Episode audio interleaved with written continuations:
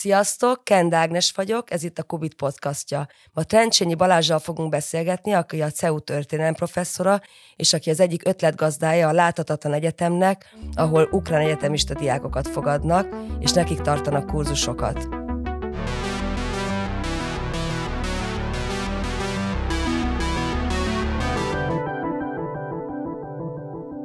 Szeretettel köszöntök mindenkit, és szeretettel köszöntelek téged is, Balázs, az Köszönöm stúdióban. Szépen. Az első kérdés rögtön, hogy mit jelent az, hogy láthatatlan egyetem? Honnan ez az elnevezés, és mit is jelent valójában? Ez egy hosszú történet,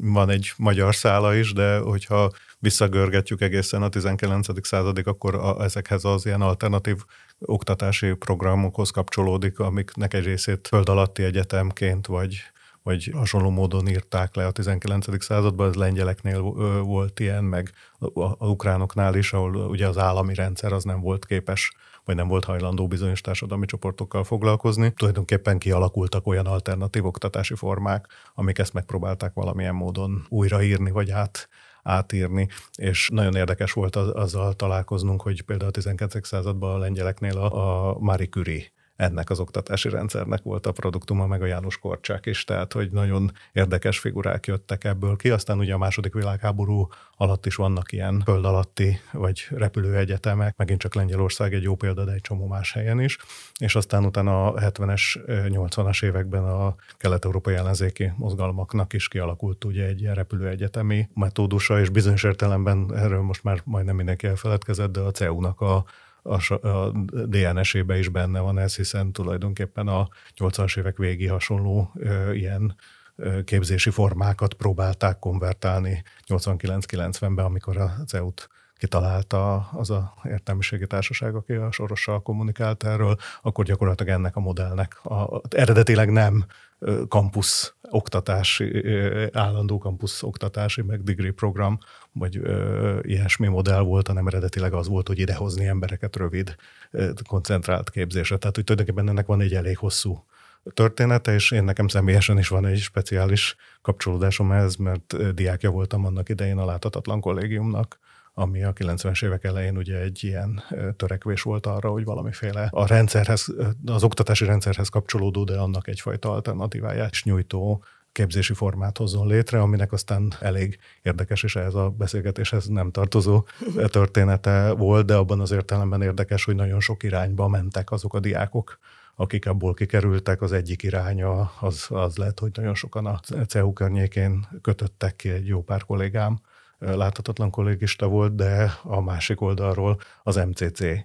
történetében is ott van a láthatatlan kollégium, tehát ennek a alternatív módszertannak, vagy alternatív képzési logikának elég érdekes, és elég egyébként a magyar rendszerváltást jól tükröző a, paralel történetei lettek, a fél nemzeti bank vezető gárdája és egykori láthatatlan kollégista, tehát hogy nem lehet azt mondani, hogy a liberális irányba ment el mindenki, vagy baloldali irányba, hanem a legkülönböző irányba szóródtak, ami egyébként szerintem egy érdekes története annak is, hogy hogyan sajátítódtak ki azok az oktatási projektek, amik annak idején arra szolgáltak volna, hogy egy demokratikus Magyarországot építsenek teljesen más irányokba. Tehát, tehát amikor mi elkezdtünk azon gondolkodni tulajdonképpen a CEU-nak a kikergetése, vagy ki menekülése pillanatában, hogy mit, mit lehetne mégiscsak a régióban csinálni, és hogy mit lehetne a CEU hagyományából fenntartani, akkor mi eredetileg nem az ukránokra gondoltunk, ezt mindig el szoktuk mondani, mert Ukrajna egy többé-kevésbé normálisnak tűnő ország volt, sok szempontból demokratikusabb, mint Magyarország, vagy lényegében minden szempontból demokratikusabb, mint Magyarország, hanem is túlzottan funkcionáló intézményrendszerrel. Nem mi a lengyelekre gondoltunk, törökökre, Belarusiára, Oroszországra, ilyen, ilyen társadalmakra, és azon gondolkodtunk, hogy nyilvánvaló, hogy attól, hogy a CEU elment, attól elvesztettük azt a lehetőséget, hogy onnan komoly mennyiségű diák jöjjön, mert Bécsbe olyan nagy a szállásköltség, meg a megélhetési költség, meg egyáltalán az egyetemnek a dinamikája teljesen más lett, sokkal kevesebb embernek tudnak ösztöndíjat adni, tehát nyilvánvalóan elvesztjük a kelet-európai diákoknak egy nagy részét, és akiknek ez fontos volt, nem mindenkinek fontos, de akinek ez fontos volt, az, az, az kétségbe esetem próbált azon gondolkodni, hogy mégis mit lehetne ebből megőrizni, és akkor nyilvánvalóvá vált, hogy itt van mégiscsak ez a budapesti CEUS infrastruktúra, amit valamire mégiscsak jó lenne használni, és hogy mire lehetne használni, összekapcsolni valahogy ezzel a regionális beágyazottsággal. És akkor azon gondolkodtunk, hogy lehetne egy ilyen úgymond láthatatlan egyetemi rendszert létrehozni, ahol nem feltétlenül kapcsolódunk minden diákhoz folyamatosan, tehát nem degree program, nem abban az értelemben program, amilyet, amilyeneket a CEU adott, aztán nem adhatott Magyarországon, hanem megpróbálni egy ilyen táv kapcsolatot létrehozni, aminek vannak viszont hibrid elemei, tehát hogy behozzuk a diákokat nyári egyetemre, téli egyetemre, különböző koncentráltak. De akkor még tulajdonképpen az ukrán gyerekekről szó az sem ukránokat volt, amikor... mi úgy gondoltuk, hogy az ukránok azok az egyik legjobb helyzetben lévő társaság volt. Tehát hogy tulajdonképpen ez a formája, aminek most úgy mondta, te az ötletgazdája vagy, az egyébként nem is most a háború óta indult nem, el, megint nem. ugyanezen a néven, hanem mert egy pár éve a CEU Hát mi ezen gondolkodtunk, és azért nem, én azt mindig el szoktam mondani, hogy nem én vagyok az ötletgazdája, hanem ez egy kollektív gondolkodás volt. Kontler László, Újc Renáta, Rév István, tehát a, a, a lényegében a CEU Magyarországon valamit akar, csinálni akaró kollégáinak egyfajta, tá, ö, ö, hogy mondjam, informális közege volt, ahol ezek a viták És akkor mentek. hogy lépett be az ukrán És aztán, amikor kitört a, a háború, a, addigra nekünk tulajdonképpen volt már egy tervünk, hogy hogyan lehetne egy ilyesmit csinálni, de mondom, nem az ukránokra, nem mindenféle más közös, közösségre, és amikor kitört háború, akkor azt mondtuk, hogy tulajdonképpen most az összes létező infrastruktúrát, meg létező forrást, azt próbáljuk beletenni az ukránokba, és megnézni, hogy, hogyha ezt a fajta módszertant, ezt kipróbáljuk az ukrán diákokkal, akkor ez működik-e. Tehát ez De egy ezt nagyon furcsa... most elképzelni, aki erről semmit nem tud? Tehát kik ezek a fiatalok, Igen. hogy kerülnek ide, fizikailag vannak-e itt, vagy online kapcsolódnak? Tehát, hogy kicsit az Igen. egésznek a körülményét be tudod nekünk Persze. mutatni? Tehát, hogy itt az az elképzelés, hogy ugye abból indultunk ki, és közben elkezdtünk ugye ukrán kollégákkal is dolgozni, itt volt, van CEUS kollégám is a Osztap Szereda, aki ennek az egész programnak az igazgatója, de egy jó pár más ukrán kollega is belépett ebbe, sőt nem ukrán és nem magyar és nem CEUS különböző egyéb kollégák is, és az egésznek az elején jelentkeztek, hogy ők is szívesen csinálnának, tehát ez egy folyamatosan egy ilyen kollektív gondolkodás volt. És igazándiból ami, amire jutottunk, az az volt, hogy ugye nagyon sokféle diák van, és nagyon sokféle irányba szóródtak szét. Tehát annak, a, annak nem lenne értelme, hogy csak egy helyre koncentrálni mindenkit, mert nem is tudnánk egy helyre koncentrálni mindenkit. Mi azt próbáltuk megoldani, hogy hogyan lehet egy olyan programot létrehozni, ami a különböző helyeken levő diákokat egyszerre tudja valamilyen módon segíteni. Azokat is, akik elmentek az országból, vagy azért, mert eleve nem is voltak már ott, és nem mentek haza, ilyen is elég sok van, azért nagyon sokan tanultak külföldön is, de olyan még több volt, aki a háború első hónapjaiban elhagyta Ukrajnát, viszont nagyon sokan vannak belső ilyen displaced kategóriában is, tehát kelet-ukránok, akik átmentek nyugat-ukránba, megszűnt esetleg az egyetemi oktatásuk teljesen, vagy pedig átment online-ra, de azt is alig-alig tudják csinálni, és aztán vannak olyanok, akik maradtak ott, ahol vannak, de maga az oktatási rendszer ugye átment sok esetben hibrid formába. És azt, azon gondolkodtunk, hogy olyan ö, ö, oktatási ajánlatot kellene megfogalmazni, ami mindenki számára használható. Tehát egyrésztről ugye emiatt aztán az online volt az elsődleges megoldási forma, mert ugye ez az, ami mindenki számára elérhető, még akkor is, hogyha Amerikában van, meg akkor is, hogyha Kelet-Ukrajnában még olyan diákunk is volt, aki meg, megszállt területről logolt be, amitől mi mindig folyamatosan meg voltunk ijedve, hogyha ezt elkapják, akkor, akkor mi lesz vele. Viszont az is nyilvánvaló volt, hogy kell olyan eleme is legyen, ami viszont mégiscsak az embereket összehozza, tehát mi elkezdtünk az elejétől azon gondolkodni, hogy nyári egyetemeket, téli egyetemeket, meg ilyen kollektív találkozókat szervezni, ahol a diákok egymást látják, és nem csak egyfajta ilyen online. Tehát ide utaznak magyarán, tehát, vagy tehát mi csináltunk, tehát csináltunk mindig, tehát 2022 nyarán is, meg 23 nyarán is egy elég nagy nyári egyetemet, és, és volt téli egyetem is januárban, és egy idő után el, elkezdtünk abba az irányba mozogni, hogy két párhuzamos programot csináltunk, hogy a Budapestre hozzuk azokat, akik Budapestre el tudnak jönni, és akik meg nem tudnak kilépni Ukrajnából, ugye főként a fiúk, de részben olyan lányok is, akiknek mondjuk a családjuk miatt nem akarják őket elhagyni, nekik meg párhuzamosan szerveztünk Lvivben egy programot, ami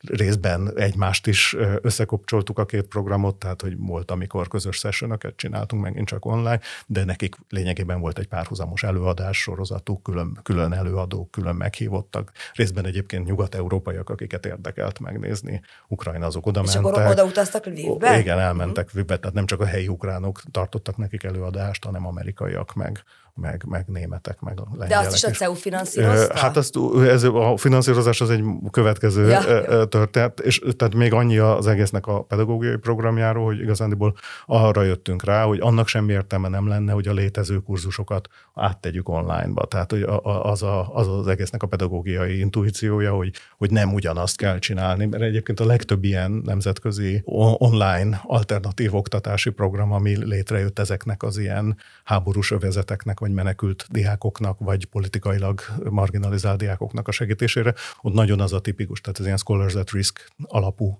programok azok nagyon tipikusan úgy működnek, hogy a, ki, ki elmenekül a tanár, és utána ül Németországba, és leadja lényegében ugyanazt az órát, mint amit leadna élőben, hogyha Törökországban lenne. Tehát ezzel találkoztunk, hogy a legtöbb ilyen az orosz meg a török modell az lényegében az, hogy elmenekült a tanár, és megtartja az órát online, amit De megtar- a, még mindig abban az, affi, tehát hogy ő még mindig ahhoz az ukrán egyetemhez, vagy ahhoz a török egyetemhez tartozik. Nem tartozik, hát elmenekült, de ja, ha elmenekült, ha... és megpróbálják informálisan összetartani ja, értem, azokat értem, a diákokat, értem. illetve tehát van a Smolny, meg vannak ilyen orosz, meg török off university, tehát van vagy hat ilyen struktúra, ami, ami lényegében ezeket a tanárokat, akik elmenekültek a megfelelő represszív rendszerbe, azokat megpróbálják újra szervezni. De ott lényegében az van, hogy egy tanár tart egy órát, és mi meg arra jöttünk rá, hogy ez, ez lehet, hogy egyszer meg lehet csinálni, de már egyszer is belefárad a tanár is, meg a diák is, és mi átcsaptunk egy olyan modellbe, hogy lényegében a, a, az óra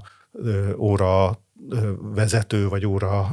adó tanár az egy kurátor inkább, mint egy előadó, és lényegében minden hétről hétre létrehoz egy dialógus helyzetet, ahol nem csak ő van, hanem mindig van valaki más. Hát a Bibónak a Szabad Egyetem hát a Bibó, így hát Jó, hát a Bibó igen. Szabad Egyetem az lényegében ugyanez a modell volt, ugyanebből a beszélgetés sorozatból jött ja, létre, értem. tehát a kettő interferál is egymással, tehát mi a Bibó Szabad Egyetemet mi a, a, úgy találtuk ki ugyanerre a, a CEUS vákumra válaszként, ugye a Bruce Lászlóval, meg, meg a Sebők Marcival, tehát ez ugyanez a történet, csak itt ugye még annyival meg van spékelve, hogy itt ez egy transnacionális helyzet, tehát mi azt gondoltuk, hogy, hogy az ukránoknak két prioritása van. Egyrészt, hogy a saját, és ez nyilvánvaló volt a diákok perspektívájából, hogy ők a saját kultúrájukról szeretnének valamit tudni, mert nagy részük, vagy sokuknak tulajdonképpen ugye tanultak valami tök mást,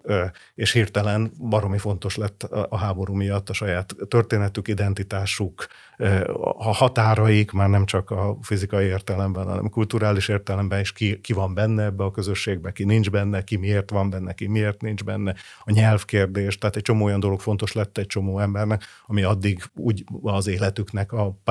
perifériáján volt. Pont ezt szerettem volna kérdezni, egyrészt egy kicsit a számok, hogy hogy képzeljük, hogy mennyi diákról van Igen. itt szó, illetve ez, hogy honnan jöttek, tehát hogy egy vegyész is bekapcsolódik hozzátok, az, vagy mindenki csak társadalomtudományjal foglalkozik. Tehát ez az érdekes, hogy, hogy igazándiból ugye mi, mi azt mondtuk, hogy négyféle témát járunk körbe, vagy négyféle ilyen tudományterületet, de ezek mind interdisziplináris területek, tehát van egy ilyen történeti és identitás, kérdések, a másik az a, a európai integráció jogállamiság, tehát ott inkább jogászok, meg nemzetközi kapcsolatok, diákok, a harmadik az, az a, tulajdonképpen a, a társadalmi mozgások és a, és a háború kontextusa, itt a migráció nyilván az egyik elsődleges kérdés, és a negyedik az pedig egy ilyen, ilyen cultural heritage,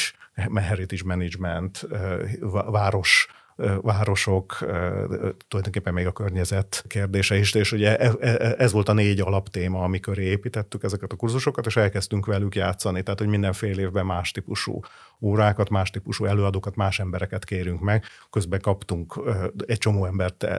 jelentkezett, hogy ők szeretnének valamit csinálni, akkor elkezdtük őket összepárosítani, és az egy idő után lett egy olyan dinamikája az egésznek, hogy lényegében minden órára, ugye ez a kurátor vagy óratartó tanár, ugyanúgy, mint a Bibó Szabad Egyetemnél, az meghív különböző egyéb embereket, és próbáltunk arra játszani, hogy, hogy legyen egy ukrán perspektíva is, meg legyen egy nem ukrán perspektíva is. Tehát, hogy legyen egy folyamatos játék arról, hogy különböző perspektívák vannak, és egy idő után rájöttünk, hogy viszont nem, nem, is, nem is értelmes abban a perspektívában ezt az egész dolgot felvetni, hogy most van egy ukrán meg egy nem ukrán, mert hogy valójában sokkal bonyolultabbak a pozíciók, tehát az ukrán pozícióból is nagyon sokféle van, attól függően, hogy kit hívtunk meg, és nyilván néha a nyugati volt az ukrán úgymond nemzeti pozíció, és az ukrán kritizálta, az ukrán kolléga kritizálta ezt a homogén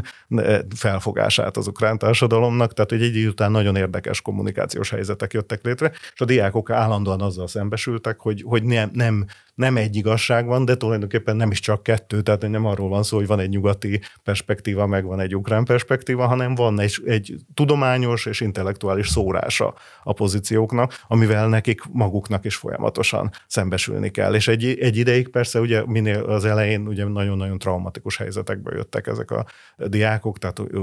volt olyan, hogy, hogy mondjuk különösen tavaly ősszel, hogy meg télen, hogy, hogy gyakorlatilag senkinek nem volt, aki Ukrajnában volt, senkinek nem volt világ, világítás, meg elektromosság, és gyertyákkal rakták körbe a laptopot, mert ugye a laptopot azt föl tudták tölteni valamilyen ilyen powerbankből, és akkor a gyertyával volt körbe rakva a laptop, és akkor időnként jött a bombázás, és akkor lementek a föld alá, és 10 perc múlva újra bekapcsolták a laptopot, amikor volt térerő, hogy nézzék tovább az előadást, meg beleszóljanak a vitába. Tehát hogy elképesztő erős volt ez az ilyen kollektív energia, hogy, hogy valamit csinálni. Nagyon sokan azt írták nekünk, hogy ez az egyetlen dolog, ami miatt reggel fölkelnek, hogy a este meg megnézzék ezeket az órákat. Tehát, hogy volt az egésznek egy ilyen nagyon erős szimbolikus értelme is, de igazándiból, és emiatt aztán persze nagyon erős volt ez az érzelmi kérdés is, hogy, hogy egy valamiféle megerősítést kerestek benne, hogy amit ők csinálnak, meg amiért élnek, meg amiért mondjuk nem mentek el, akik nem mentek el, vagy amiért elmentek, akik elmentek, annak van valami értelme. De ugyanakkor egy idő után az is fontos lett, hogy, hogy ez a pluralitás, ami ebbe a társadalomban nagyon ott van, az, az sokkal jobban megjelent, mint eleinte. Tehát eleinte ugye generációsan, nyilván a társadalom sokkal tagoltabb, de mondjuk generációsan ez a fiatal ukrán értelmiségi generáció, ugye ők sokkal úgymond nemzetibbek, mint a társadalom egésze. És egy ideig ez számukra inkább egy ilyen avantgard pozíció volt, hogy mi reprezentáljuk a jövő nemzeti Ukrajnáját, ami egyszerre nyugatos, de ugyanakkor pedig ukrán nyelvű. De aztán elkezdtek mégiscsak szembesülni azzal, hogy azért lehet, hogy ezt ők így gondolják, de még ő közöttük is sok a, a komplex történet, teljesen más mondjuk egy Mariupoli diáknak a története, aki sírva elmondta ott a nyári egyetemünkön, hogy de hogy miért mondjátok nekem, hogy a oroszul nem lehet valaki. Ukrán nekem az összes ismerősöm a, a, a harcol a Mariupolba az oroszok ellen, de oroszul harcoltak, tehát miközben lőttek, közben oroszul beszéltek, mert, mert nekik az az anyanyelvük, és, és akkor ezek a, ezek a dolgok azok így bonyolódtak a diákok számára is, és ahogy így bizonyos értelemben jobban bele keveredtek abba, hogy egymással is kommunikáljanak, ettől az egésznek egy ilyen nagyon érdekes és sokkal komplexebb dinamikája lett. Tehát az kelet meg a nyugat-ukrán diákok például sokszor azt mondták nekünk, hogy most találkozunk először élő diákkal, mondjuk a Vivi meg a Harkivi diákok, azok, azok alig-alig találkoztak a háború előtt egymással. Nyilván most a menekülési útvonalak miatt amúgy is többet találkoznának, de hogy értelmiségi vagy intellektuális dialógusba keveredjenek arról, hogy kinek mi a lokális identitása és az ukrán identitása, az például az, az, azt mondták, hogy néha az előttünk folyt le az első. De csak hogy egy kicsit, egy picit praktikusan el tudjam képzelni, tehát akkor voltak fizikailag itt órák, ahova fizikailag is bejártak diákok, és ezeket a fizikai órákat tudták követni a legkülönbözőbb nem, nem, helyekről. Nem, nem, mindent online csináltunk, az órák Igen. maguk online vannak teljesen. Igen. Mind, tehát minden előadó. Csak van, aki itt van, és akikkel más... Itt lényegében real time, a, a nyári meg a téli egyetemet leszámítva nincs senki, tehát Budapesten ja, egy-két ezek az órák, amikről most beszéltél, ezek évközben és is zajlottak, nem csak télen meg nyáron. Hétről hétre úgy, mint egy rend, tehát csináltunk ja, rendes szemesztereket, értem. ugyanúgy, mint egy rendes egyetemen, ugyanúgy kreditet kapnak érte. Értem. Amit ja, de, be tudnak ez, nagyon sok kérdés lett volna, ez, egy, ez lett volna, hogy ők kapnak ezért, Igen, tehát, tehát ezt kreditért csinálják, ez, ez beszámít. Igen, ez a egy non vagy az emmába. Hát ez úgy van, hogy elvileg ez egy, megint egy bonyolult kérdés, mert ugye ez egy non-degree credit, amit uh, kiadhat ugye ugyanúgy, mint egy Erasmusos diáknak egy egyetem adhat valamennyi kreditet, és akkor ők azt a saját egyetemükön elviszik ezt a kreditet, és ott a, elvileg a saját egyetem az akreditálja. Itt az ukrán egyetemek között van különbség arra nézve, és vannak olyan egyetemek, akik ennek nagyon örülnek, vannak olyanok, akik, akik nem ör, különösebben örülnek, de azért akreditálják, meg volt egy-két olyan egyetem, aki azt mondta, hogy, hogy írja, írjon róla egy leírást, hogy ennek mi köze ahhoz, amit ő tanul, és volt egy-két egyetem, aki meg azt mondta, hogy őket ez nem különösebben érdekli, de az ukrán diákok, akik nyugaton, Nyugat-Európában tanulnak, azoknak a nagy százaléka például be tudta konvertálni. Az ukrajnai egyetemek egy része azért őrizte a saját privilégiumát. Mert ők még nem is tagjai ennek a bolonyai rendszernek? Hát ami... azt hiszem, hogy az ukrán, hát ugye a, szerintem az ukránok is tagjai a bolonyai rendszernek, csak itt az a kérdés, hogy mit csinálsz akkor, hogyha mit csinálsz akkor, hogyha valaki nem a nem regulárisan tanul külföldön, hanem azt mondja, hogy ő külföldről hoz négy kreditet, és ugye ez Magyarországon is, még bármilyen országban Értem. szerintem az az egyetem, egyetem elvileg eldöntheti, hogy nosztrifikálja, vagy nem, és ennek megvannak a különböző ukrajn egyetemek másként szabták meg ezt. Na most visszatérve kicsit az érzelmi részére, amit mondtál, hogy ezek szerinti választottatok négy területen témát, aminek gondolom annak a területnek a a szakemberei vagy szakértői voltak, akik az órákat tartottak, de amikor szembe találták magukat mondjuk ilyen érzelmi helyzetekkel, amiket te is mondasz, például ez orosz, ukrán, akár a nyelvhasználat, vagy el tudom képzelni azt a morális dilemmát, hogy én otthon maradtam, te meg elmenekült, és stb. Hogy, hogy tudtátok fölkészíteni mondjuk az óraadókat arra, hogy mit tudnak csinálni olyan helyzetekkel, amik ilyen értelemben túlmutatnak az ő szakmai tudásokon, hogy most az mondjuk az identitásról tartanak, vagy a történelmről tartanak Igen, órát. Mi, mi erről nagyon sokat beszélgettünk, ugye ráadásul még van még egy szintje a dolognak, hogy van mentorálás is, tehát hogy mi azt találtuk ki, hogy az nem elég, tehát hogy ez egy nagyon passzív helyzet lenne hogy csak előadásokat. Nyilván van beszélgetés az előadások, meg beleszólnak, meg, meg nagyon sok érdekes vita van, de azért mégiscsak ez egy olyan helyzet lenne, ahol, ahol tulajdonképpen mégiscsak egy oldalú a kommunikáció valamilyen értelme, és azért azt találtuk ki, hogy emellett a, a, az előadás sorozat mellett, vagy ilyen szeminárium sorozat mellett van egy mentorálási dinamika is, ami gyakorlatilag a diákok maguk eldönthetik, hogy akarnak-e ilyet, tehát akit nem érdekel, aki csak hallgatni akarja, az hallgatja, de, de akiket ez érdekel, azokat bevesszük ilyen mentorcsoportokba, kis csoportokba, amit eleinte CEUS PhD-s diákok vezettek, aztán most már erre is mindenféle országból jelentkeznek PhD-s meg fiatal kutató kollégák, és akkor mindig összepárosítjuk azokat, akik egy jó csoportot tudnak vinni, és, és most már ráadásul van egy részben DAD, tehát német állami pénzt is kaptunk a Kertész kollégiummal, tehát az Imre, Kertész Imre kollégiummal, ami a Jénai Egyetemnek a kelet-európai kutató ilyen intézménye, azzal együtt csináljuk, tehát ők a német irányban, ők képviselik ugyanezt a projektet, és ők is behozta a támogatást, és tudunk egy csomó kis kutatási ösztöndíjat adni a diákoknak, és akik ezt a kutatási ösztöndíjat megkapják, azok ebbe a mentoring programba is benne vannak, tehát ők a fél év végére írnak egy kutatási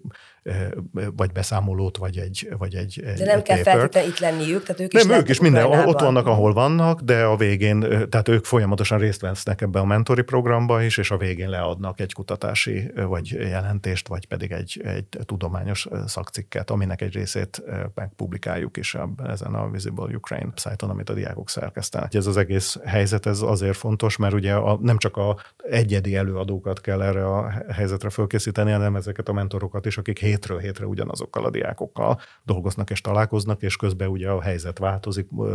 különösen az első évben ugye elképesztően dinamikus és szörnyű is volt. Minden most már bizonyos értelemben kiszámíthatóbb egy picit, hogy mi lesz jövő héten, de volt egy olyan pont, amikor egyáltalán nem tudtuk, hogy mi lesz jövő héten. És arra jöttünk rá, hogy ugyan van traumatikus helyzetekre felkészítő, vagy traumatizált diákokat tanító tanárokat készít, felkészítő metodológiai eh, hagyomány, tehát azért ez, ez nem egy teljesen ismeretlen dolog, de ennek az online változata az lényegében hiányzik. Tehát az, hogy, hogy mit kell csinálni, tehát arra van, vannak technikák, hogy mit kell csinálni egy traumatizált csoporttal, amikor az osztályterembe tanítom őket, de hogy mit kell velük csinálni, amikor egy online kurzuson kommunikálok velük, arra lényegében nincs módszertan. Tehát mi elkezdtünk azon dolgozni, itt szintén van CEUS ilyen az Elkana Center CEUS kollégák, akik ilyen módszertani dolgokkal foglalkoznak, és ő nekik van valamiféle infrastruktúrájuk, és ők csinálnak szemináriumot például ezeknek a mentoroknak, ahol megbeszélik egymással. A tap- tehát mi arra jöttünk rá lényegében, hogy csak tapasztalatátadással tudunk dolgozni, tehát igazán nincs egy nagy módszertan, amit el lehet olvasni, és akkor hirtelen... Tehát kvázi a mentorok is kapnak nálatok Mentorok is kapnak szupervíziót, és egy, egy, a mentorok maguk is egymás között, tehát tartunk nekik is ilyen módszertani szemináriumokat, hogy mi hogy kell egy ilyen helyzetben, mit lehet csinálni, mit mit nem. Ugye vannak olyanok, akik már másfél éve velünk dolgoznak, és már negyedik csoportjukat viszik, és már pontosan nem tudják pontosan, mert ez egy teljesen kiszámíthatatlan helyzet sok szempontból, de hogy mégiscsak vannak intuícióik arról, hogy egy bizonyos helyzetben mit lehet csinálni. De hogy, hogy mondjuk, mondjak egy példát, hogy milyen helyzetek uh, tudnak előállni, hogy amikor a téli egyetemen meghívtunk, mert azt, azt gondoltuk egy idő után, egy ideig ugye mindenki csak Ukrajn, a diákok csak Ukrajnáról akartak hallani, meg bizonyos értelemben Európáról, úgymond és ez a kettő nekik egy ilyen, ilyen mint a kettő egy ilyen pozitív vízió volt, és a, ugye a harmadik vízió az meg a nagyon negatív orosz, tehát amiről nem akarnak hallani. És a, aztán ugye, ahogy elhoztuk őket Budapesten, nagyon érdekes volt, hogy ugye ők, amikor írták a motivációs leveleket, hogy miért akarnak ide jönni nyára egyetemre, azt mondták, hogy meg akarjuk nézni az Európai Uniónak a nagyszerű intézményeit, és amikor ide megérkeztek Budapestre, és összehoztuk őket, az Aurórába elvittük őket, és a magyar NGO, a vezető ilyen NGO és szakemberekkel, vagy civil társadalmi szakemberekkel összehoztuk őket, és látszott a döbbenet az arcukon, hogy, hogy ők, bárhogy nem a NGO-soknak, hanem a ukránoknak, hogy ők arra törekednek, hogy azért áldozzák az életüket, hogy bekerüljenek az Európai Unióba, és, ha, és egy ország, ami ben van az Európai Unióban, az nem, hogy nem él a szabadságával, hanem tulajdonképpen mindent le, mind, minden pont ugyanúgy néz ki, mint amit ők az orosz társadalomról gondolnak. Tehát, hogy így ezek a civil társadalmi aktivisták elmondták, hogy hogyan néz ki a magyar államhatalom és a civil társadalom viszony, az pontosan ugyanolyan, mint amit az ukrán diákok tudnak arról, hogy Oroszországban ez a dolog hogy működik. És így látszott az arcukon ez az óriási döbbenet, hogy itt valami nem stimmel. És akkor egy idő után az egyik lány kiábált valami zaporozsiai diák, hogy, hogy de miért nem csináltok egy forradalmat és akkor így látszott, hogy, hogy, hogy a, a magyar a, a, ilyen civil társadalmi aktivisták azok nagyon meg vannak széngyedülve, mert hogy ugye egy fur, megfordult az egész hierarchia, ugye, hogy nem arról szól, hogy mi az európai tudást átadjuk nektek, hanem hogy nekik van valamiféle tudásuk arról, hogy hogyan áldozza valaki az életét föl a szabadságáért, és itt meg Magyarországon meg mindenki így keresi azt, hogy hát igen, valamit próbálunk csinálni, de hát igazán nem tudjuk, hogy mit csinálunk, és igazán, hogy miért, miért csináljuk ezt, azt se nagyon tudjuk. Szóval, hogy nagyon érdekes volt a helyzet, és ez aztán árnyalta, nem csak ez a magyar élmény, nyilván az is, hogy azóta is keringenek Európa és Ukrajna között, ez nagyon sok ezek között a diákok között, hogy árnyalta ezt az egész képet, és most már sokkal bizonyos értelemben differenciáltabban látják azt is, hogy mi működik náluk, tehát nincs egy egyfajta ilyen egyértelmű hierarchia, hogy nálunk semmi nem működik, nálatok meg minden működik, hanem van egy sokkal bonyolultabb képük arról, hogy, hogy, hogy hogyan, lehet, hogyan lehetne majd Ukrajnát europanizálni, nem csak értékek szempontjából, hanem intézmények szempontjából is, és hogy ez egy mennyire bonyolult meccs, mert nem csak arról szól az egész, hogy belépsz az Európai Unióba, és hirtelen minden jó lesz, hanem hogy onna, ott kezdődik csak igazándiból a bonyolult helyzet. Ennél a hasonlatnál maradva ez az orosz az Oroszországhoz hasonlították Magyarországot, hogy amikor mondjuk tényleg fizikailag azért sok orosz diák jár a CEU,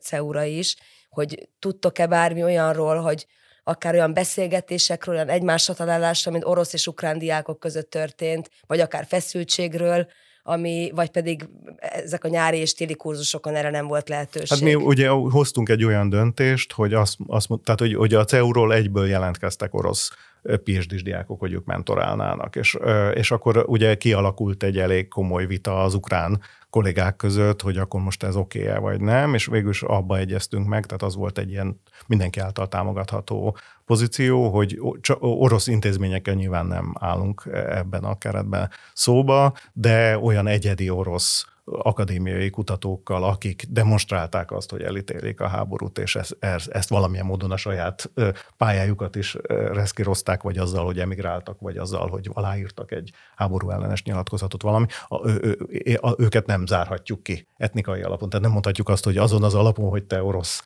állampolgár vagy nem állhatsz velünk szóba. Tehát, és ezt a diákok nagy része is elfogadta. De volt is rá példa, hogy mentor orosz vannak, volt? vannak orosz mentorok, nem sok, de van. A leg ilyen, hogy mondjam, szív melengetőbb történet az, az az a orosz diák, aki lényegében felvállalta azt a helyzetet, hogy, hogy ő nem csak online segít mint névtelen CEUS diák, nyilván nem névtelen, de hogy az mindegy CEUS diák, hanem ő eljött ezekre a nyári és téli egyetemekre is, és végigcsinálta. Nagyon érdekes volt, hogy elmondta, hogy igazán ő ott döbbent rá, hogy ez mennyire bonyolult ez az egész dolog, hogy Ukrán, Szentpéterváron ukrán volt a tanára, aki egyébként szintén CEUS diák volt, és amikor kitört a Majdan, akkor az, az ukrán ilyen fiatal kutató az azt mondta, hogy akit érdekel, hogy ott mi van, nem csak az, amit az újságban lehet olvasni, az gyertek el egy sörre, és elmondom. És akkor ott elmondta ezeknek az orosz diákoknak, hogy, hogy, hogy, hogy ez nem egy orosz ellenes dolog, hogy ez sokkal bonyolultabb, hogy miről szól az egész történet, és akkor ennek a fiúnak valami beakadt, hogy akkor ez az egész dolog, amit neki mondanak, ez nem úgy van, és miután ő ráadásul ilyen szibériai hátterű, nem etnikailag orosz, de szibériai születésű, ezért őt mindig érdekelték ezek a szibériai kis nemzetek, amiket ugye az orosz birodalmiság az, az elnyomott meg, meg asszimilált, és gyakorlatilag ez a szibériai identitás, meg ez az ukrán tanár az együtt a felé lökte, hogy átgondolja ezt az egész perspektívát egy ilyen dekolonizációs pozícióból. És ő elkezdett az ukrán gyerekekkel kommunikálni, eljárni ezekre a, ő lett az egyik legaktívabb mentor, és végig kellett neki azt csinálni természetesen, hogy amikor ugye új társaság jön, tehát még megjelennek Budapesten a diákok, akkor egy nagy részük azt mondja, hogy rosszal nem beszélek. És a fiú az ugye ugyanúgy a dormitori, a CEUS dormitoriban úgy is végig aludt velük, és ugye mindig volt egy pár diák, akiket már ismert, és akik viszont beszéltek vele, és akkor végig kellett neki azt a meccset játszani, hogy az egyik fele az bolykotálja, a másik fele az beszél vele. És aztán mégis mindig az lett a végeredmény, hogy mire vége lett a nyári egyetemnek, addigra mindenki beszélt vele, de egy sok diák belement abba, hogy kitaláltak ennek a fiúnak egy nem létező identitást, kitalálták, hogy ő tulajdonképpen egy szibériai etnikai kisebbséghez, a jakut, hogy ő, ő egy jakut, hogy ő is egy elnyomott kisebbség, és aztán a fiú mondta, hogy de hogy még meg is jelentettek róla egy cikket, hogy van egy jakut barátunk, aki az ukránokat támogatja, csak mondta, hogy legalább a fotóját ne tegyék ki, mert ugye hát nem olyan, mint egy jakut, ahogy kinéz, de hogy, hogy ez egy ilyen jó példa volt arra, hogy, hogy föl föl lehetett oldani bizonyos konfliktusokat, de ez az kellett, hogy ő egyértelműen nyilvánvalóvá tegye, hogy semmi köze nincs az orosz politikához, sőt lényegében minden gesztusa az arról szól, hogy ő tulajdonképpen semmilyen közösséget nem vállal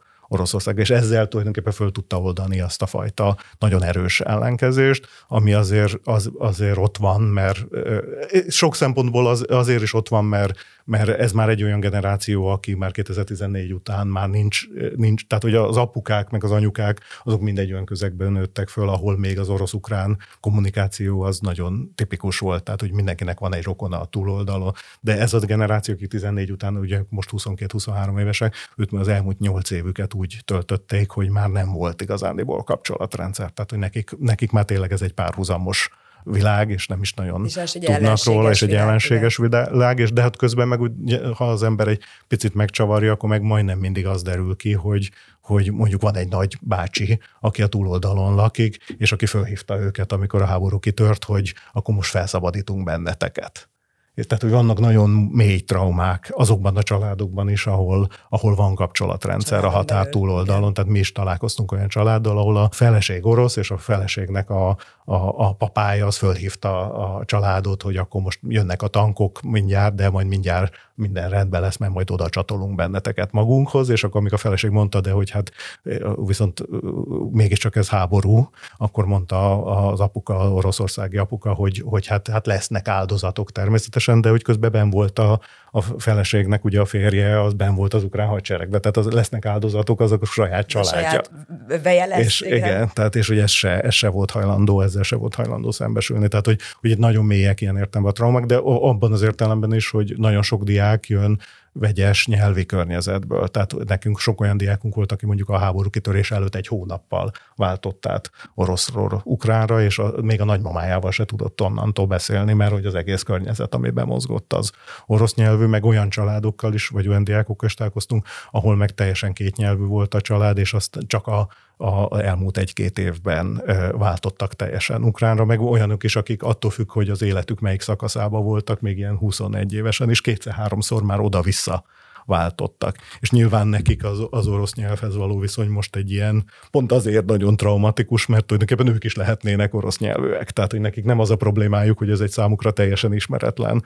kultúra, hanem az, hogy bizonyos értelemben nagyon is fenyegetően ott van, hogy, hogy bizonyos értelemben egyszerűbb lenne nekik. Meg nagyon ismerős. Mert is nagyon is ismerős. Igen. Tehát ez egy nagyon bonyolult és nagyon komplex helyzet. Mi, mi azt próbáljuk velük, tehát hogy mi arra vigyázunk nagyon, hogy nehogy úgy érezzék, hogy mi bármilyen módon őket egy ilyen multikulti irányba akarjuk csak azért terelni, mert nekünk az esztétikailag szimpatikusabb. Tehát mi nagyon respektáljuk, hogy ők döntik el, hogy mik a határai a, a saját kulturális toleranciájuknak, mit, mit hajlandóak meghallgatni, mit nem, de arra mindig megpróbáljuk fölhívni a figyelmüket, hogy nem lehet se állampolgárság, se etnikum alapján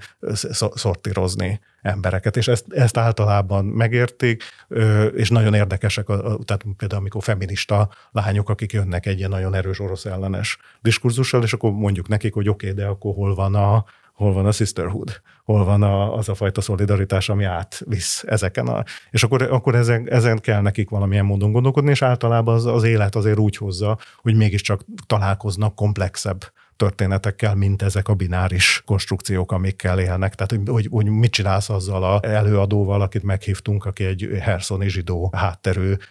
tudománytörténész, egész életét Moszkvában, meg Péterváron tanított, amikor kitört a háború a kultitakozásból, elmenekült, vagy nem elmenekült, hanem elhagyta Oroszországot, most nyugaton meg, újra tanult ukránul, hogy, hogy mutassa, hogy melyik oldalon áll. Most őt az, az ukrán diákok melyik kategóriába teszik, Persze, orosz kategóriába, vagy ukrán igen. kategóriába, tehát hogy és még egy utolsó kérdés az érzelmekkel kapcsolatban, és ez most rólad fog szólni, hogy neked ebből az elmúlt két évből, most már két évet mondhatok, ugye, hát, hogy olyan régóta tart. Hát, mi volt tulajdonképpen a leg szívmelengető történetet mondtál, de hogy mi volt az, ami tulajdonképpen a leginkább akár meglepett, akár sokkirozott, akár azt gondolod, hogy a leggyakrabban találkoztál azzal a jelenséggel, szóval, hogy, hogy mit látsz, hogy mi a, hogyha ezt egy idegennek el kéne mesélned, hogy mi van ezekkel a fiatalokkal, akkor mi az, amit így el, elsőre eszedbe jutna, hogy olyan... Hát a, a, a traumatikusabb része az nyilván az, hogy, hogy amikor az első nyári egyetemet csináltuk, és akkor mentek vissza, ugye ki két hétre kijöttek, vagy 12-13 napra, de a leg durvább helyzetekből, tehát hogy olyan helyzetből is, ahol mondjuk ott volt a határ, vagy a front, pár kilométerre onnan, ahova mentek vissza, megkérdeztük az egyik diákot, hogy ő, ő, ő, ő az egyik oldalon van, de a szülei a másik oldalon a frontnak, ugye, mert, és akkor kérdeztük, hogy nem akarja a szüleit kihozni, és azt mondjuk, hogy a szülők azt várják, hogy még rosszabb lesz a helyzet, és majd akkor fognak elmenni. Tehát, hogy volt egy ilyen elképesztő fut, tehát ugye ez tavaly még nagyon mozgott ilyen értelemben a front is, és akkor, akkor volt egy ilyen pillanat, amikor így belegondoltam, hogy, hogy most ezek a diákok hazamennek, és akkor egyszer azt fogom olvasni az újságba, hogy lebombázták azt a házat, ahol ez a diák lakott, és ugye addigra már nagyon személyesek voltak ezek a viszonyok, tehát már nem, nem úgy volt, hogy volt 20 név, hanem volt a, volt a, a Maxim, meg a Nadia, meg a Natália, és ezekről mindenkiről egy csomó mindent tudtunk, egy, együtt beszélgettünk, éjszakákat végig vitatkoztak ők egymással, de mi is, mint tanárok, ebbe beszálltunk, tehát így nagyon személyesek voltak már a viszonyok, és akkor így megjelent előttem az egy ilyen, ilyen rémálomszerűen, hogy ezeket az embereket most láttam utoljára és az, az egy nagyon-nagyon erős élmény volt, és aztán ugye ezt megtükrözte az, hogy ők megcsinálták, ezt lehet, hogy láttátok, és a, a, volt egy ilyen unissued diplomaz, vagy nem kiadott diplomák kiállítás, amit eredetileg ukrán diákok csináltak Kanadába, a Kievi, Kiev, Kiev Mohila egyetemnek a, a, a diákjai csináltak eredetileg Kanadába, és aztán ennek csináltak különböző európai városokban ilyen lokális variánsokat, és a, a Bécsi és Budapestit azt a mi IUFUS diákjaink csinálták meg, és ö, olyan ö, diákok, akik, ö, tehát ugye itt az a történet, hogy, hogy összeszedtek valami 20-25 portrét olyan diákokról, akik, a, akik meghaltak a háború első pár hónapjában, általában nem mind katonák, tehát nagyon kevés olyan történet van, hogy belépett a hadseregbe önkéntesként és fronton elesett, hanem a tipikus történet az, hogy ment haza gyalog,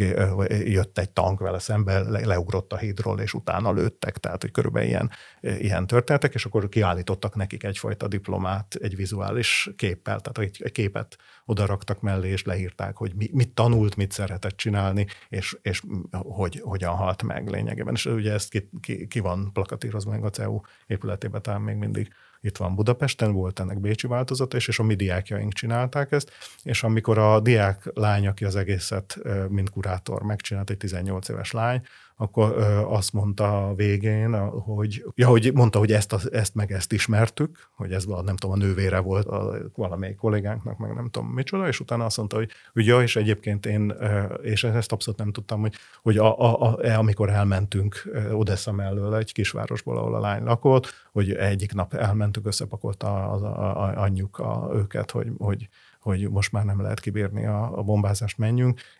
Átmentek Kisinyov fele, valahogy eljutottak Németországig, és, és másnap azt a házat, ahol laktak, azt földig rombolták. Tehát, hogy, hogy ez a lány, aki beszélt, ott lenne a falon. És, a, és semmi máson nem múlott, mint hogy, a, mint hogy az anyukája egy adott pillanatban azt mondta, hogy most már tényleg nincs mire várni, most már menni kell. Ha egy napot még azt mondja, hogy még megvárjuk, hogy hát ha jobb lesz, akkor most nem, nem, elő, nem előadó és nem szervező, hanem, hanem egy plakát. Egyébként nekem nem, nemrég készítettem szinte egy kubicikhez egy interjút egy fiatal ö, tudóssal, aki már most már nem egyetemre jár, hanem egy ilyen think tankben dolgozik szociológusként, és ő azt mondta nekem az interjú végén, hogy, az, hogy úgy nem lehet élni az életet, hogy minden nap az jut eszembe, hogy bármikor meghalhatok, de úgy érzem, hogy már soha többé nem fog visszatérni az élet a normális kerékvágásba. Tehát, hogy, hogy neki úgy kell leélni ezzel a traumával az életét, hogy már sose lesz mi, semmi normális. Hogy mennyire találkoztál te ezzel a, ezzel a hasonló gondolattal vagy élménnyel a, a, a diákok között? Hát ez, ez nagyon erős, mert hát ugye mindegyikük élt egy teljesen ugyanolyan életet, mint ahogy, ahogy egy budapesti diák él, ugye? Tehát, hogy, hogy, hogy, hogy foly, folynak a mindennapi dolgai, tanul, barátkozik,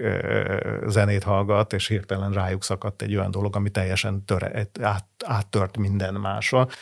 De ugyanakkor most már ugye az is van, hogy közben, tehát hogy, hogy, hogy, hogy, hogy ez most meg nem az eleje ennek a történetnek, tehát hogy egyrésztről látjuk, hogy én nem vagyok pszichológus, tehát ezt te jobban értesz, de hogy nyilván van ez a, a túlélő szindróma, tehát hogy, hogy amikor egyre több a bűntudata, tehát hogy amikor egyre több ismerősük hal meg, meg ráadásul ugye még bonyolultabb a dolog, mert ugye ez a generációt nem vitték meg, a fiúkat se vitték el katonának, tehát csak az ment el katonának, aki akart, de a szüleiket igen. Tehát majdnem minden diákunknak az apja az ben van a hadseregbe. És akkor ettől egy ilyen nagyon bonyolult ö, pszichés helyzet is előáll, hogy ugye ül mondjuk a diák Bécsben, vagy Stanfordon, vagy nem tudom hol, ott mondják neki, hogy tanuljon, és csak ezzel foglalkozom, közben azzal kell foglalkoznia, hogy hol van az apja, de közben meg a, a, a, azt se tudja eldönteni, hogy most ő azt kívánja, hogy az apja maradjon ott a fronton, és védje a hazát, vagy pedig, vagy pedig menjen már onnan a francba, hogy ne, nehogy lelőjék. És egy csomó olyan diákom van, konkrétan személyesen is, akiknek például, és akik máig se tudják eldönteni, hogy most mit kívánjanak, hogy védjük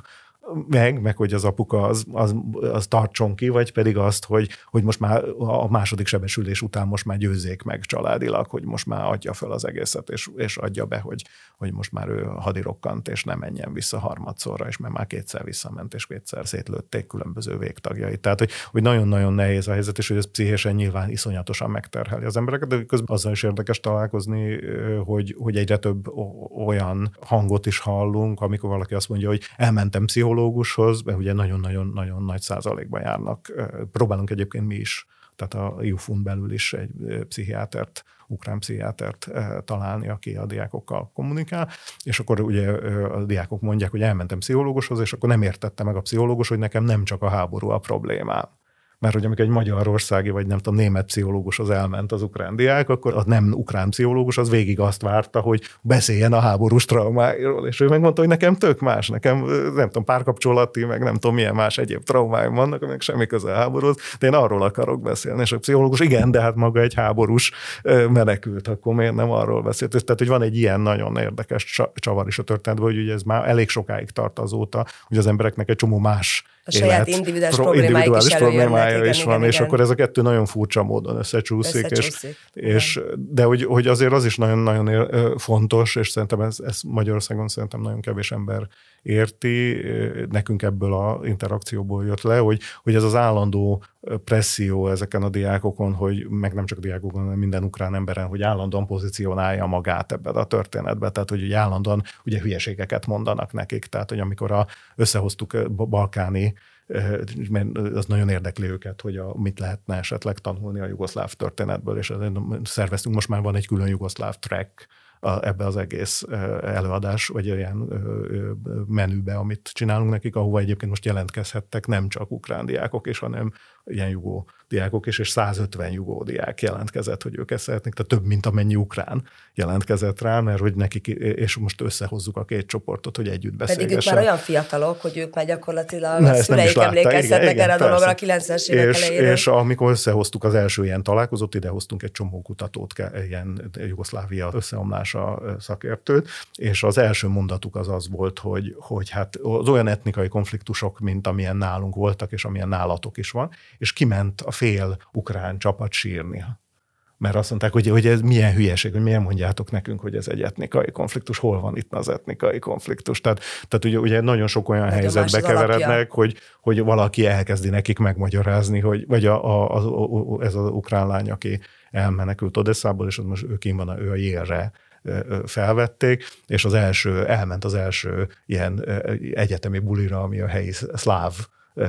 kutatások, nem tudom, intézmény, intézetének a bulia volt, ahol a helyi szlavista tanárnő az örült neki, hogy végre lát egy ukránt, és megkérdezte tőle, hogy akkor, akkor beszélhetünk ugye oroszul. A lány megmondja, hogy őt én nagyon jó tudok oroszul, de kérem, hogy beszéljünk angolul inkább. És erre mondja a nő, de hogy hát most mit bohóckodsz, mondja az amerikai kutató, hát te jobban tudsz nyilván oroszul, mint ukránul. És a lány meg kiment sírni, mert hogy ezt nem bírta ezt a helyzetet. Nem, ennyire érzékeny. És ez egy amerikai, ez egy amerikai kutató, aki úgy gondolta, hogy hát ő tudja, hogy 20 évvel ezelőtt, amikor ő arra járt, akkor még ez nem volt senkinek se probléma, hogy oroszul beszéljen, és úgy gondolta, hogy ez csak egy ilyen megjátszás az illető részéről, hogy miért nem hajlandó oroszul beszélni, és hogy, hogy egy csomó, tehát hogy, hogy szerintem az, az, is egy nagyon komoly traumatikus helyzet, hogy ugye egy csomó olyan helyzetbe kerülnek, amikor valaki vagy ignorálni akarja ezt az egész dolgot, vagy megvan róla az elmélete, hogy mi történik, és, és, az, és neki, néha hogy egyébként jó magát. indulattal, tehát igen, hogy nem feltétlenül rossz ez az etnikai konfliktus, ez nem arról szólt, hogy őket leckésztetni akarták, hanem hogy, hogy a jugó kollégáknak meg a fejébe volt, a bosnyák kolléga volt, ugye, akinek a fejébe volt, hogy, hogy ezt a dolgot hogy kell értelmezni, nézni, és hát ugye abszolút ugye mellé ment, és ezzel iszonyatosan. És az volt az érdekes, hogy azon az, e, azon az estén, ez így Budapesten volt,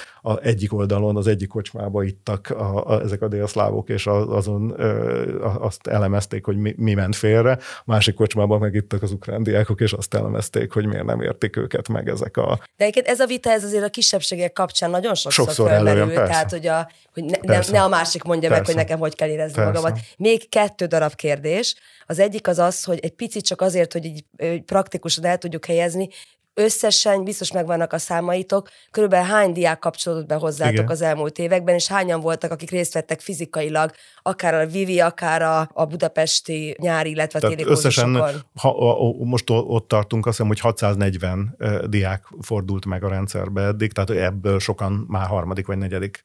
szemeszterüket fogyasztják, van, aki csak egyszer egy fél évre, de összesen 640 diákunk volt, most ebben a fél évben 350-en vannak, de ebből ugye vannak, akik már az előző fél évben is voltak, tehát ez nem 350 Ezek az diák. online diákok? Ezek az online diákok, és, és akkor körülbelül a ha összeadom ezeket a nyári meg téli egyetemeket, az körülbelül olyan 120 diák uh-huh. volt. És ez az 350, illetve 640 diák, ez körülbelül hány országban lévő ukrán diákokról hát van mi szó? azt számoltuk, hogy, hogy 35, 35 ukrán intézmény, és körülbelül 30 külföldi. 30 külföldi intézmény. Tehát akkor Tehát gyakorlatilag a... a fele a fiataloknak azok effektíve Ukrajnában élnek. Körülbelül onnan, egy onnan picit több, mint a fele. Tehát most ez a 350-nek szerintem szerintem majdnem a, több, mint a kétharmada. Az előző fél években több volt a, tehát ugye azt lát, ez, ez is egy bonyolult és egy érdekes kérdés, hogy ugye az van, hogy a legelitebb ukrán egyetemekről most nagyon könnyű kijutni külföldre. Ha valaki ki tud jutni, tehát hogyha mondjuk lány Ez a külföldi meg, egyetemeknek a felajánlása? Hát azért van, vannak nyugati uh-huh. opciók. Ez, ez egy külön történet, hogy ezek az opciók hogy néznek ki, meg hogy kik, kik adják, meg kik szórják szét ezeket az ösztöndiakat, de hogy mindesetre vannak lehetőségek. Tehát olyan helyekre is el lehet jutni, ahova öt évvel ezelőtt nem lehetett volna eljutni, hogyha valakinek szerencséje van, de ezek nagyon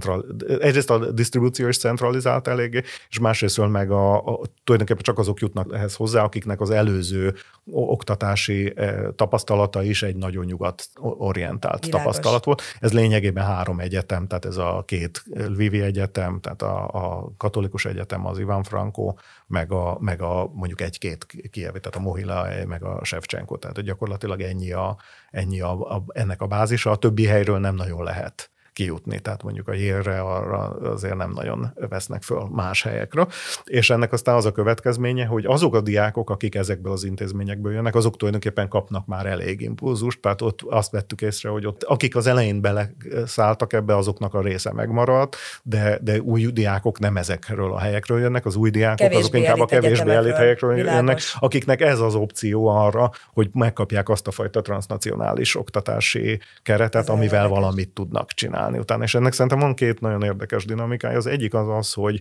hogy igazándiból ami mi ezt az egészet csináltuk, az mégis, mégiscsak az, hogy, a, a, és ezt a diákoknak is nyíltan megmondtuk, és a diákok erre nagyon aktívan reagáltak e, érzelmileg és meg intellektuálisan is, hogy, hogy igazándiból mi abban gondolkodtunk végig, hogy valamikor ennek a dolognak vége lesz, és hogy, hogy az ukrán elitnek lesz egyfajta, vagy ukrán értelmiségnek lesz egyfajta mediációs szerepe, és hogy nem mindegy, hogy ez a mediációs szerep, ez a, ez a fixer mediációs szerepe, tehát hogy arról szól le, hogy majd a nyugati intézmények oda jönnek, megmondják, hogy mit kell csinálni, és az ukránok majd ezt lefordítják ukránra és megcsinálják, vagy pedig arról lesz szó, hogy egy sokkal egy, e, e, hogy mondjam, egyenlőbb helyzetből egy negociációs helyzetben, mi ezt tudjuk pontosan, ugye, hogy az európai integrációban is mennyire e, elrontott volt az, hogy gyakorlatilag a hierarchiák azok egyértelműek voltak, meg volt mondva, hogy mit kell adaptálni, utána ezt tessék lássék, ezek az országok adaptáltak, igyekeztek ott csalni, ahol lehet, aztán utána az egész dolog az sok országban, mint Magyarországon összeomlott. Tehát, hogy, hogy egy, egy jobb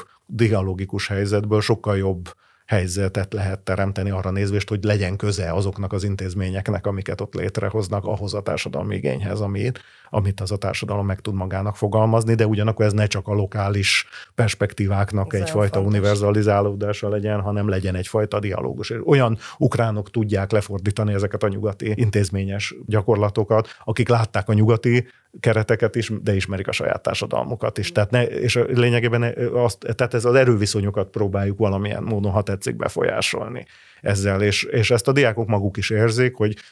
ez, amit kezdtem is mondani, hogy eleinte sokkal inkább volt egy ilyen nagyon egyértelmű, hogy hát az Európa jó, ami meg keletre van, az meg rossz. Most meg azt érzik, hogy nekik ebbe, ebbe részt kell venni ebbe a dialógusban, és nekik is van pozíciójuk erről, nekik is van tapasztalatuk, ők most már ők is láttak egy csomó minden, nyugati oktatási rendszert is látták, annak is látják az ambivalenciáit, tehát mi azt szeretnénk, hogy ők ebben aktív résztvevők legyenek, és a másik szerintem, ami, ami nagyon fontos, az az, hogy a, a nyugati intézmények számára is van egy elképesztő deficit, mert ugye gyakorlatilag, és hát egyébként részben ez az oroszokkal való szimbolikus harc, ez részben erről is szól, hogy ugye a, a nyugati tudástermelés, ami Kelet-Európáról szólt, az részben a, a, a, a szovjet tudományok, vagy szovjet, szovjet studies-nak a, az utó története, ami nagyon orosz dominált. Tehát, hogyha valaki mondjuk, mi most tartunk egy előadást ellenkultúráról, meg hippikről, meg pánkokról Kelet-Európában, Ukrajnában és Kelet-Európában, és hogy ott is, hogy az irodalom, szakirodalmat megnézzük, akkor mondjuk a elmúlt tíz évet leszámít, a szakirodalom döntő többség az arról szólt, hogy Moszkvában meg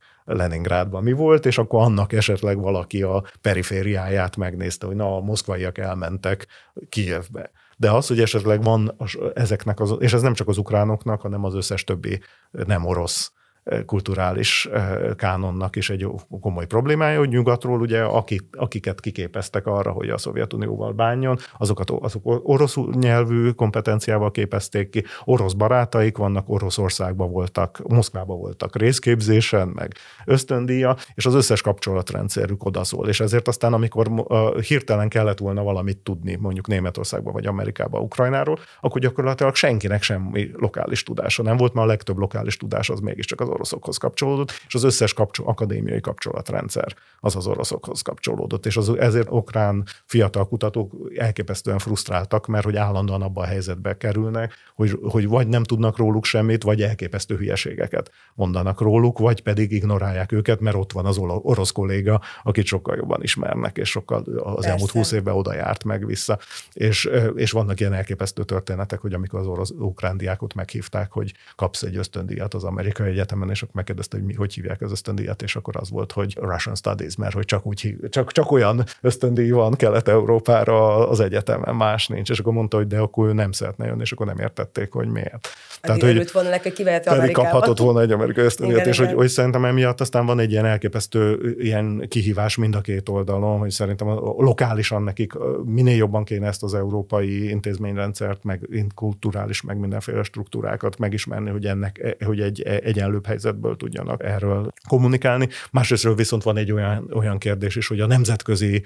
kontextusban hogyan tudják a saját kultúrájukat, a saját történetüket, a saját, e, e, e, saját élményeiket, a saját érzelmeiket valamilyen módon artikulálni. És ugye minél inkább ugye valaki ezt csak üti az asztalt, hogy vegyetek engem is tekintetbe, én vagyok a, az ukrán hang, annál kevésbé fogják tekintetbe venni. Tehát erre most pont volt egy, nem voltam ott, de ismerősök mesélték, hogy pont volt egy konferencia, ahol nagyon nagy vita alakult ezen ki, hogy az ukrán kollégák azok elkezdték ütni az asztalt, hogy de vallják be a német kollégák, hogy, hogy öt évvel ezelőtt nem vettetek bennünket ember számba, azt se tudtátok, hogy kik vagyunk. És a német kollégák persze minél inkább mondták nekik, hogy így van, annál inkább próbáltak elsúnyogni, mert hogy ez valóban így volt, de hogy, de hogy, hogy ha ezt bevallják, akkor a saját akadémiai pozíciójukat is veszélyeztetik, ezért inkább megpróbálták eltüntetni a, az ukránokat a vitából, hogy ne kelljen ezzel szembesülniük. Tehát egy nagyon sok érzelem van ilyen akadémiai szinten, és nem csak a magánember szintje. Legutolsó kérdés, tudtok-e hasonló ilyen kezdeményezésekről, amiket, amit ti csináltok most itt a CEUM a világ, Európában, vagy akár Európán kívül is? Tehát van, vannak ö, ö, szerintem hasonló törekvések, szerintem e, ilyen, ö, tehát két dolog van, hogy vannak hasonló ilyen egyetemi projektek, például találkoztunk Flying University című projekttel, amit amerikai meg amerikai lengyel kollégák csináltak lényegében lelkesedésből, tehát a, a, nekünk azért nagyobb infrastruktúránk van, mint amivel ők dolgoztak, de ott, ott inkább azt csinálták, hogy létező kurzusokra hívnak meg, tehát megbeszélnek a saját egyetemi kollégáikat, hogy egy olyan kurzust hirdessenek meg, ami specifikusan érdekes lehet az ukránok számára, de nem ukrán téma, meg nem is európai téma, hanem általában globális téma, és ezt meg, megnyitják ukrán diákok számára, és akkor erre adott esetben, hogyha olyan téma van, akkor akár több száz ukrán diák is behallgat, tehát ezek elég nagy szám, számokkal dolgoznak ők is. Tehát például ilyennel is találkoztunk, meg ugye van a DAD, tehát ez a német állami rendszer, megnyitottak egy aránylag nagy ilyen funding, ami elvileg arra ad lehetőséget, hogy egy adott német intézmény az kapcsolatot létesítsen egy, egy ukrán intézménnyel, és csináljon valamiféle ilyen általában ilyen exchange programszerű dolgokat. Amit mi csináltunk, az ugye egy bonyolultabb dolog, mert mi összekapcsolódtunk a jénai kollégákkal, és létrehoztunk egy ilyen trianguláris helyzetet, tehát hogy Budapest-Bécs slash Jéna, és az ukrán intézmények, és ezt a DAD, tehát a német állami funding eh, az eltűrte, tehát hogy nem kezdték azt mondani, hogy miért nem csak bilaterális a dolog, úgyhogy bízunk benne, hogy ez továbbra is így marad, és például az, hogy a brit oktatási minisztérium is létrehozott egy ilyen, ilyen pairing sémát, hogy bizonyos, de ott, ott például számomra teljesen értetetlen, hogy kiosztották az egyetemeknek. Tehát, hogy én találkoztam ismerőssel, aki idejött Budapestre, hogy találkozzon az ukrán partnereivel, soha életében nem hallott róluk, hanem kaptak egy levelet, hogy holnaptól a maguk partnere az a Mariupoli Egyetem. Ugye Mariupoli Egyetem az, már eleve jól hangzik, mert ugye nyilván duplán sújtott történet, és akkor így a, a angol kollégák azok jöttek ide Budapestre, hogy megnézzék, hogy hogy néz ki, neki egyáltalán az a Mariupoli kollégák, mert soha életükben nem találkoztak velük. Tehát, hogy, hogy vannak ilyen sémák is, és aztán vannak a, a számomra ijesztő dolgok is, az uh, volt, találkoztunk ilyennel is, hogy mondjuk egy német egyetem az azt mondta, hogy, hogy befogad 20 20 uh, ukránt, 20 ukránnak ad helyet, és akkor nekünk telefonáltak, hogy, hogy ezt népszerűsítsük, és akkor megkérdeztük, hogy de mi az, hogy adtok 20 helyet, és akkor mondták, hogy hát adunk 20 helyet, de ez már fönn volt a websájtjukon, hogy adtunk 20 helyet az ukránoknak. És akkor kérdeztük, de hogy ösztöndíjat, utazási költséget, lakást, mire gondoltam? Nem, hogy 20 asztalt. És akkor, amikor ezt, hogy, hogy hát ha arra téved egy ukrán, akkor bejöhet hozzánk az egyetemre, és, és, és ott az asztalon azt kap egy ilyen deszket, ahol ráteheti a laptopját. És akkor így vele gondoltunk, hogy azért mennyire elképesztő, hogy az emberek mit, mit gondolnak erről az egész dologról, és hogy mennyire, mennyire abszurd, hogy valaki úgy gondolta, hogy ezzel, ezzel ilyen iszonyatosan nagyot segít, és, és, és maga számára nyilván elhelyezte ezt, hogy ő, ő most szolidáris volt. Tehát, hogy szerintem ez is egy nagyon fontos kérdés, és ez Magyarország számára általában is fontos, hogy, hogy mit jelent a szolidaritás, hogy mit, mert amit mit csináltunk, ugye ezt lényegében mi sportból csináltuk, én éjszakánként online beszélgetjük meg ezekkel az ukrán kollégákkal, tehát mindenki ezt nem, nem munkaként, hanem, hanem egyfajta szolidaritásból csinálja. Én azt gondolom, hogy magyarként pláne ez egy fontos dolog, mert van egy olyan politikai keret, ahol a magyar társadalomról fölmerül az a kérdés, hogy egyáltalán bármilyenféle szolidaritást mutat-e. Persze nyilván mutat, mert ugye nagyon sok ember belefektetett nagyon sok energiát az ukrán menekülteknek a segítésébe, de ez mondjuk nemzetközileg nagyon nehezen látszik, mert ami látszik az az, hogy Szijjártó elrepül Moszkvába, és előadja, hogy, hogy, hogy, hogy mit gondol a világról. Tehát szerintem Magyarországról ennek duplán van súlya, hogy ez a, ez a projekt ez nem Bécsből megy, meg nem Brüsszelből, hanem, hanem éppen Budapestről, de ez nem csak Magyarország szempontjából fontos, hanem Németország szempontjából is, meg más országból is, hogy az embernek el kell gondolkodnia, hogy milyen típusú szolidaritások mit jelentenek, és hogy mit jelent valakivel kapcsolatba kerülni. Tehát amikor a, a ukrán barátaink mondták, nagyon sokat, ez egy, egy toposz is most már, hogy, hogy amikor kitört a háború, akkor kaptak 643 levelet arról, hogy veled vagyunk. És akkor az első az még jó, a második még jó, amikor a 663. e-mailt kapja valaki az ismerőseitől, hogy veled vagyunk, akkor kidobja a szemétbe, mert hogy az nem segítség. Az segítség lenne, hogyha azt mondja, hogy ha van egy ismerősöd, aki éppen Berlinbe jár, azt el tudjuk szállásolni egy, egy hónapra. Az nem segítség, hogy veletek vagyunk. Én ezt a CEUS történetben is megértem, hogy nagyon sok levelet kaptunk arról, hogy velünk van, vannak a kollégák, de az valójában nem jelentett semmit. Tehát, hogy szerintem ez is egy, egy érdekes és fontos kérdés, hogy az oktatás kereteiben ugye mi tanárok vagyunk, nem egészségügyi segítők, vagy nem politikusok. Tehát, hogy mit tud egy, egy egyetemi ember tenni, amikor azt a kérdést fölteszi az maga számára, hogy mi az, hogy szolidaritás. És én azt gondolom, hogy ezek a fajta ilyen nem konvencionális oktatási projektek, azok egyfajta identitást is adhatnak arra nézvést nekünk is, egyetemi embereknek, hogy valamilyen módon mégis mi is bele tudunk a világ folyásába értelmes módon szólni, és konkrétan tudunk segíteni konkrét embereknek a saját eszközeinkkel. Tehát itt nem csak arról van szó, hogy, hogy, hogy mi tudunk segíteni embereknek, hanem hogy tulajdonképpen újra gondolhatjuk valamilyen módon, hogy mi az egyetem szerepe, mi egy tanárnak a szerepe, mi a, mi a pedagógia szerepe egy, egy olyan helyzetben, ahol egyre kevésbé lehet kiszámítani, hogy az emberrel mi történik. Nagyon szépen köszönöm a beszélgetést. A Kubit podcastját hallották, és velünk volt Rencsényi Balázs, a CEU, tehát a Közép-Európa Egyetem történelmi professzora, aki az egyik alapítója a Láthatatlan Egyetemnek, ami bár igaz, hogy hosszú múltra tekinthet vissza, de most ez esetben az ukrán diákoknak próbált segíteni, vagyis hogy próbál még mindig segíteni ezekben az években.